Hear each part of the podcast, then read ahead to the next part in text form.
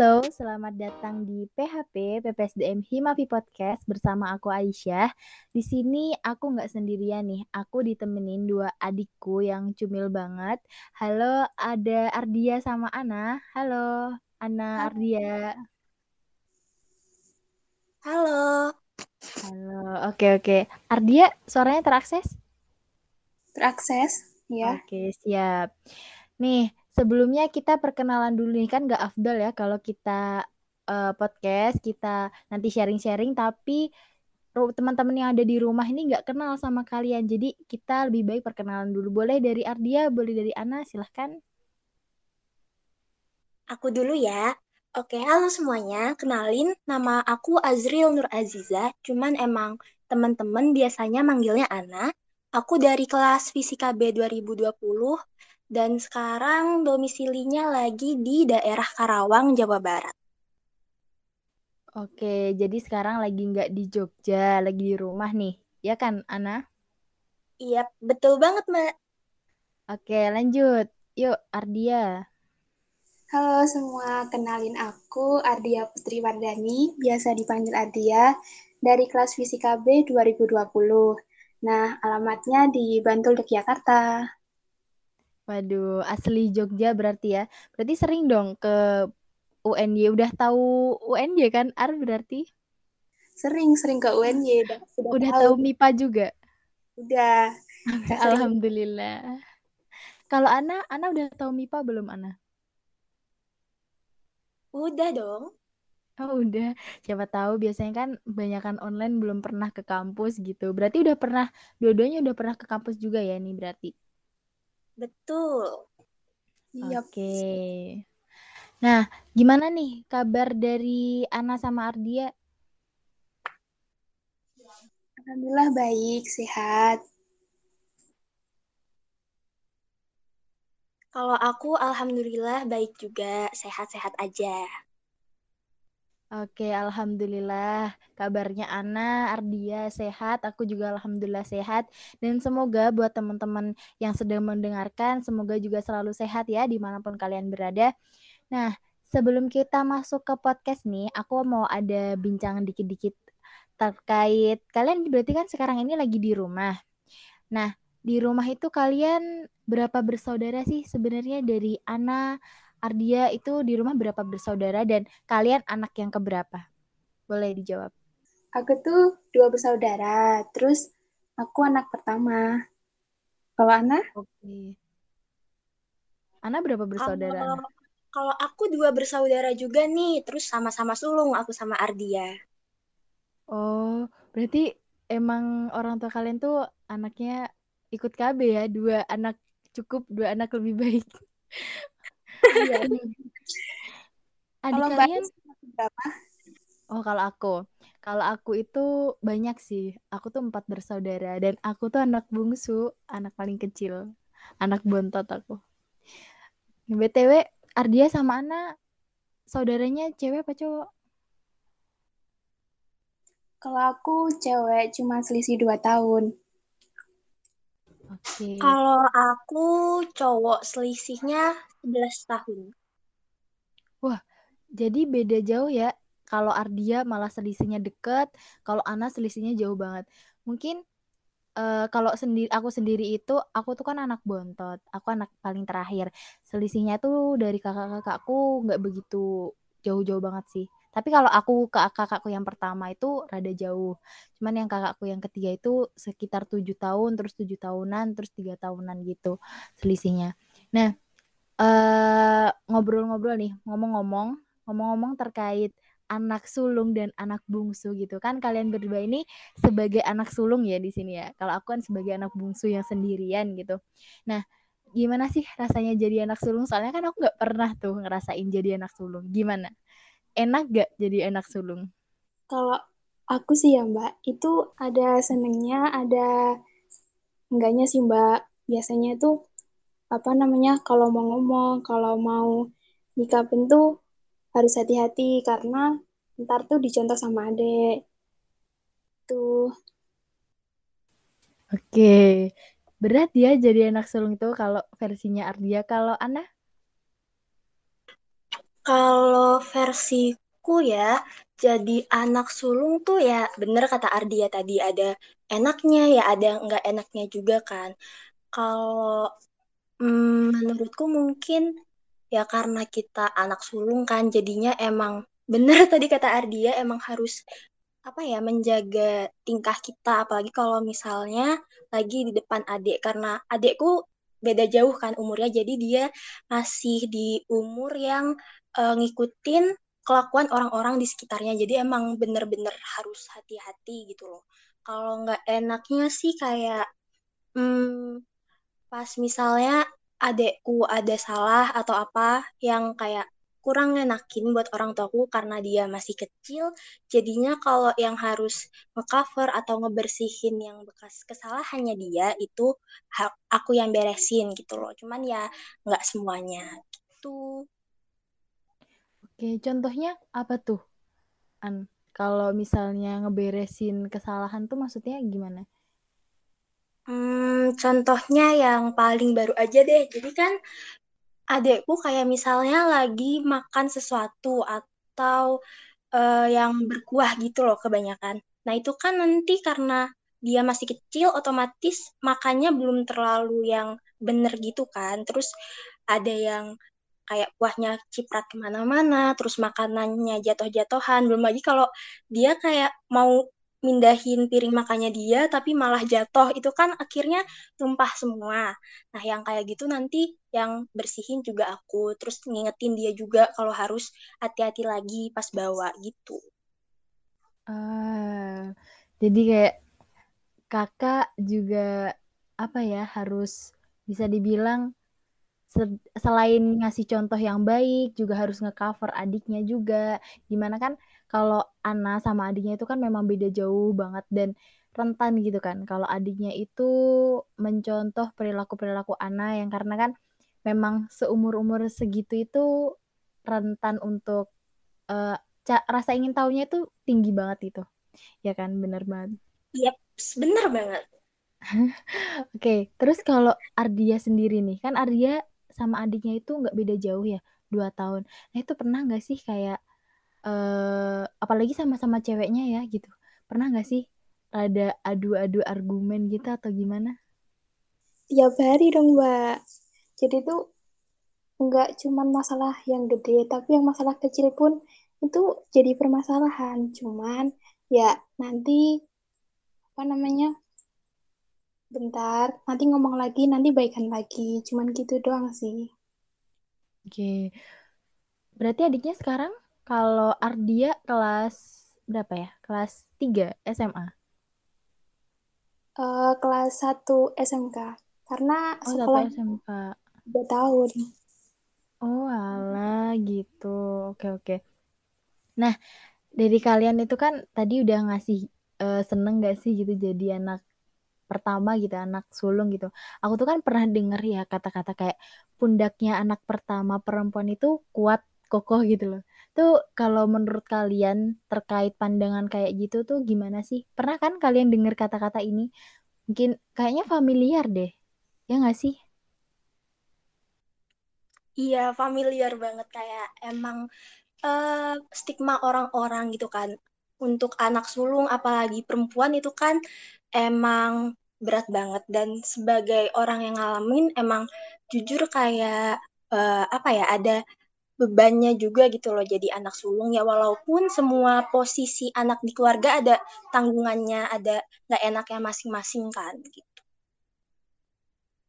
Oke, bener sih. Kalau dari aku sendiri ya, aku tuh kan anak bungsu. Ketika aku membaca statement itu gitu kayak kalau anak sulung tuh pundaknya harus kuat apalagi anak perempuan yang sulung. Bener, memang bener. Cuman kadang tuh aku ngerasa kayak aku juga berat gitu loh. Jadi anak bungsu perempuan tuh juga berat karena uh, harapan orang tua kayak bukan anak anak terakhir gitu. Itu lebih ke kayak yang paling tahu keadaan rumah ketika kakak-kakaknya itu udah udah nggak di rumah kayak gitu. Soalnya kan aku tuh ngerasain kalau kakak-kakakku udah nggak ada yang di rumah gitu jarang gitu ketemu juga nah itu kalau stigma pundak anak sulung perempuan itu kuat menurutku semua pundak anak itu kuat cuman mungkin porsinya sih yang beda. Itu sih kalau tambahan dari aku. Kalau dari Ardia gimana terkait statementnya itu? Benar banget sih mbak. Tuh kayak anak pertama tuh harus pundaknya harus kuat terus dituntut buat mandiri juga.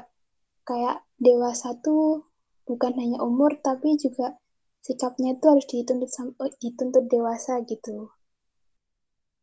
Karena kayak apa ya yang bisa yang bantu orang tua tuh selain orang tua tuh anak pertama.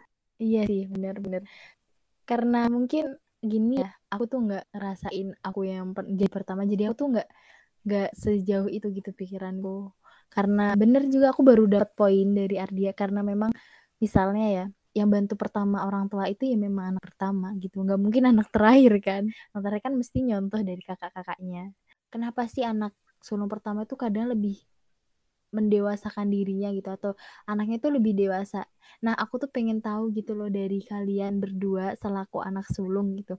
Gimana sih cara kalian tuh memposisikan diri kayak aku tuh harus dewasa karena aku tuh punya adik. Aku tuh harus memberikan contoh. Gimana sih cara kalian itu untuk menanamkan statement itu ke diri kalian sendiri gitu loh. Seperti itu. Gimana? Kalau menurutku sih yang pertama niat sih Mbak. Karena kita kan uh, anak pertama ya. Jadi buat contoh adik-adiknya. Jadi kayak kita tuh harus niat. Kita tuh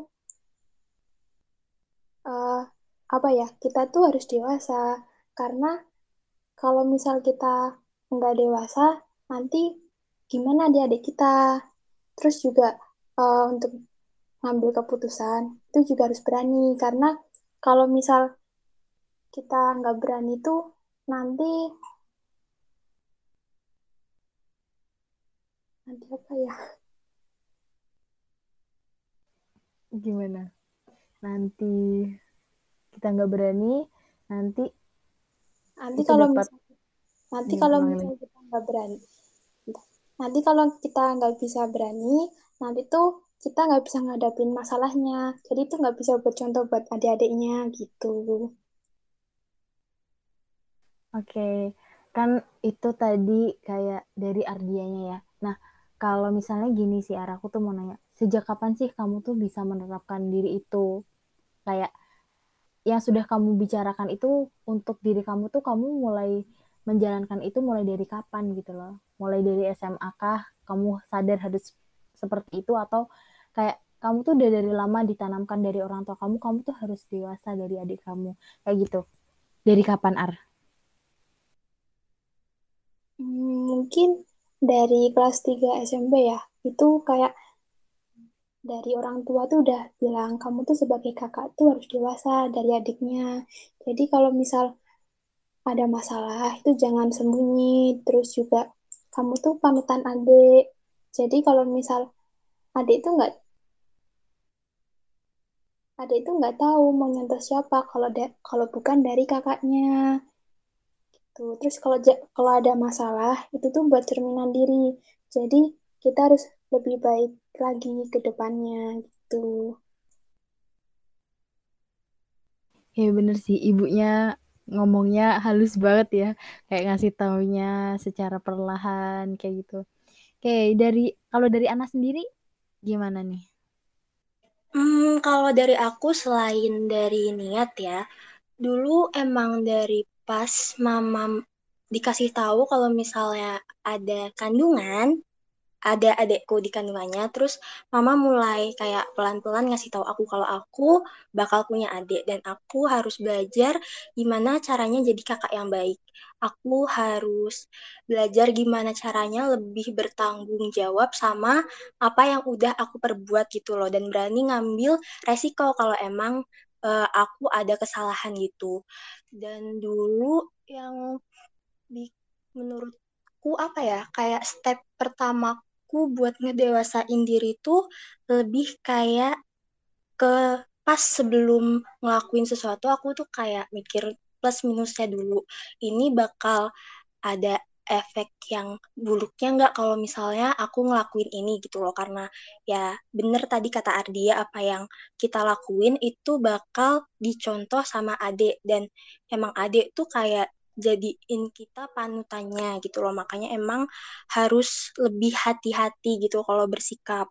Ya, terus kalau ada masalah ya emang harus dihadapin, bukannya lari. Jadi aku emang dari mungkin SMP diajarin gitu sih buat lebih bertanggung jawab sama pilihan yang udah aku ambil gitu, sama berhati-hati kalau ngambil keputusan.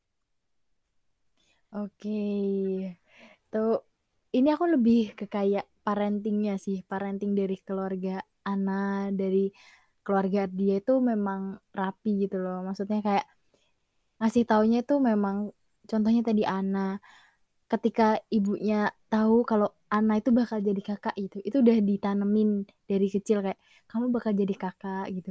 Terus Ardia gitu dengan cara orang tuanya yang ngasih taunya itu seperti itu kayak terstruktur gitu. Itu tuh lebih kayak persiapan Ardianya itu ketika dia menjadi kakak kayak oh aku harus ini aku harus ada notice dari ibu aku yang bilang seperti ini kayak gitu. Bagus banget sih. Aku dapat poin dari kalian berdua di mana jadi anak sulung itu memang berat seperti itu. Oke. Okay. Lanjut nih ke ini sih. Sebenarnya gitu. Kan dibalik sifat dewasanya anak sulung, dibalik sifat uh, apa ya? Kayak contoh atau panutan yang baik untuk adiknya gitu. Apa sih sebenarnya sifat tersembunyi dari anak sulung yang gak banyak diketahui sama orang-orang?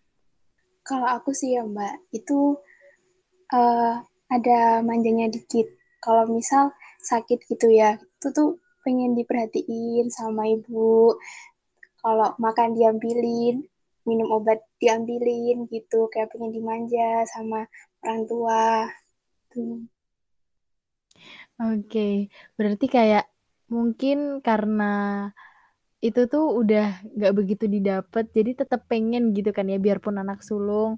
Terus anak yang terlihat dewasa dan selalu baik-baik aja itu juga pengen diperlakukan seperti itu. Ya nggak Ar? Iya dong kayaknya nggak ada deh anak yang mau eh yang nggak mau dimanjain sama orang tua tuh. Iya sih bener banget. Oke halo Ana Hmm, kalau aku sendiri selain apa ya, kayak sikapku pas lagi jadi seorang kakak, ya sama aku juga kalau misalnya lagi, misalnya adekku kayak lagi main kan nanti di rumah cuman ada aku, mama sama papa kan. Nah itu juga nanti kayak secara alami sifat manjanya bakal keluar gitu, gitu dan emang apa ya, ayahku tuh tipe yang memperlakukan wanita kayak mereka uh, seorang ratu sama putri di rumah gitu loh. Jadi emang ayahku ngetrit aku sama mama secara menurutku ya, secara menurutku tuh emang apa ya, bagus banget gitu loh jadinya. Kadang kalau karena aku nggak bisa kuat sendirian kan, aku juga butuh support dari orang-orang sekitarku. Jadi nggak jarang kalau misalnya pas aku ngerasa suatu hal terlalu berat gitu atau aku nggak tahu cara ngadapin suatu masalah, aku tuh bakal cerita ke mama atau papa. Nanti kan mereka juga bakal ngasih solusi kan aku harus gimana. Atau kalau mereka memang nggak punya solusi mereka tuh bakal ngedengerin aku sampai aku puas gitu atau sampai nangisku selesai gitu kalau di aku sendiri. Oke asik banget ya. Ayahnya ngetrit sebagai ratu ngetrit wanita yang ada di rumah itu seperti ratu gitu.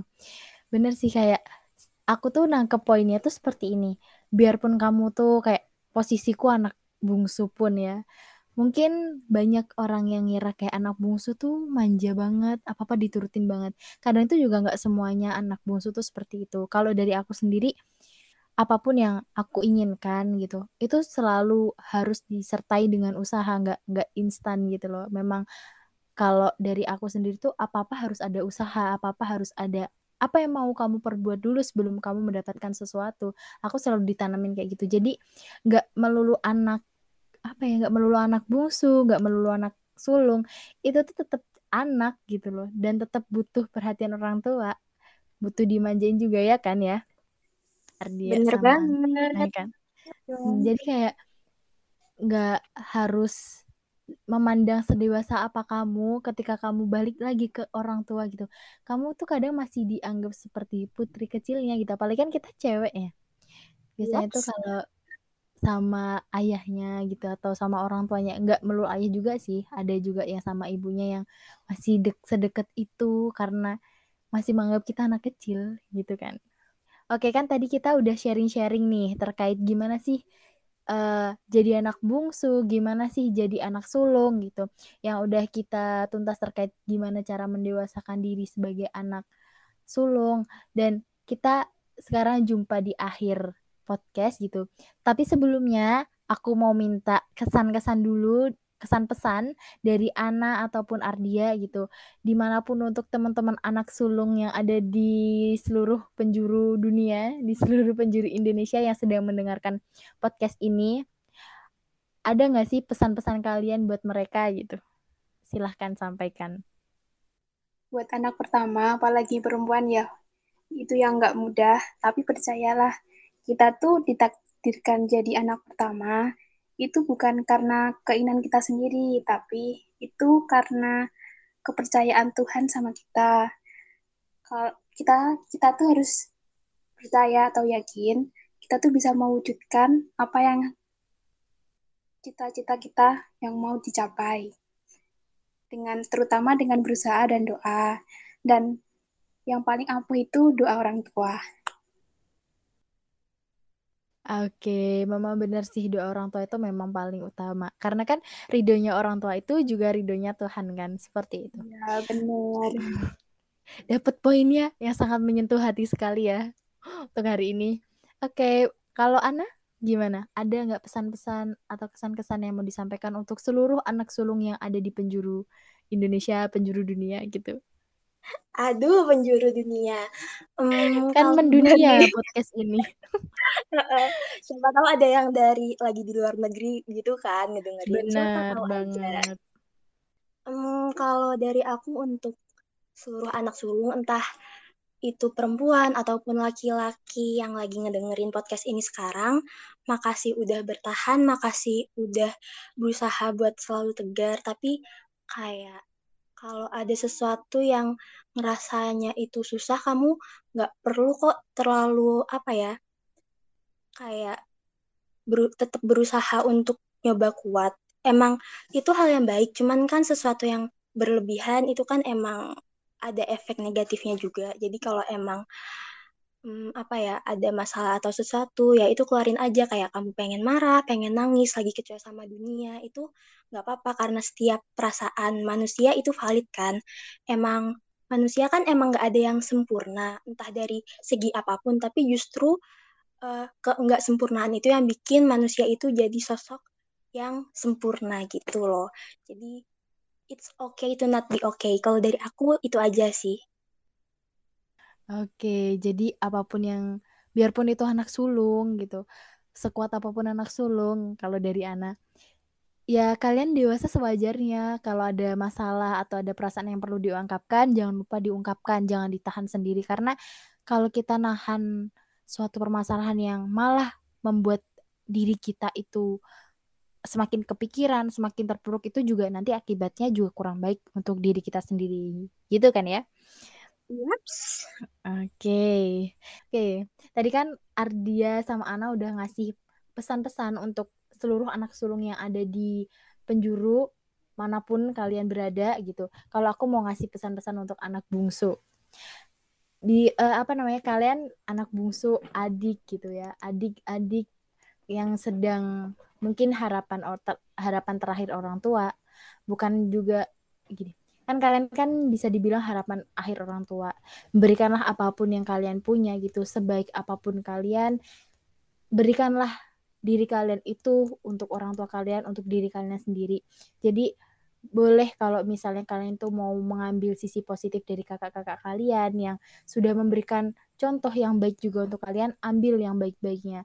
Jika memang ada yang kurang baik dari kakak kalian yang sudah dicontohkan, itu benahi kekurangan itu untuk diri kalian itu dari aku jadi setiap orang itu juga nggak ada selalu benarnya ada salahnya juga biarpun kakak adik juga selalu salah ada salahnya ada benarnya juga seperti itu dan selalu ambil positifnya di setiap apa yang kalian lakukan nah kita udah di penghubu, penghujung.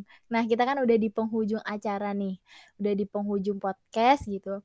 Sebelumnya aku mau ngucapin terima kasih banyak untuk Ardia dan Ana yang udah nyempetin ngobrol di sini, udah sharing-sharing terkait tadi gimana rasanya menjadi anak sulung, terus banyak banget poin yang aku dapetin mulai dari parenting orang tuanya, mulai dari sisi Ardia dan Ananya gitu. Semoga di lain kesempatan kita bisa bertemu kembali ya, Ana dan Ardia. Yo, iya. Sama-sama. Oke. Oke, gitu. Oke buat teman-teman juga di mana pun kalian berada, semoga bisa mengambil sisi positifnya dari podcast kali ini. Apabila selama kita melaksanakan podcast kali ini ada salah kata maupun perbuatan yang kurang berkenan di hati kalian, kurang berkenan di pikiran kalian, kami mohon maaf sebesar-besarnya. Terima kasih, sampai jumpa di episode selanjutnya. Dadah. Terima kasih Ardia dadah. Música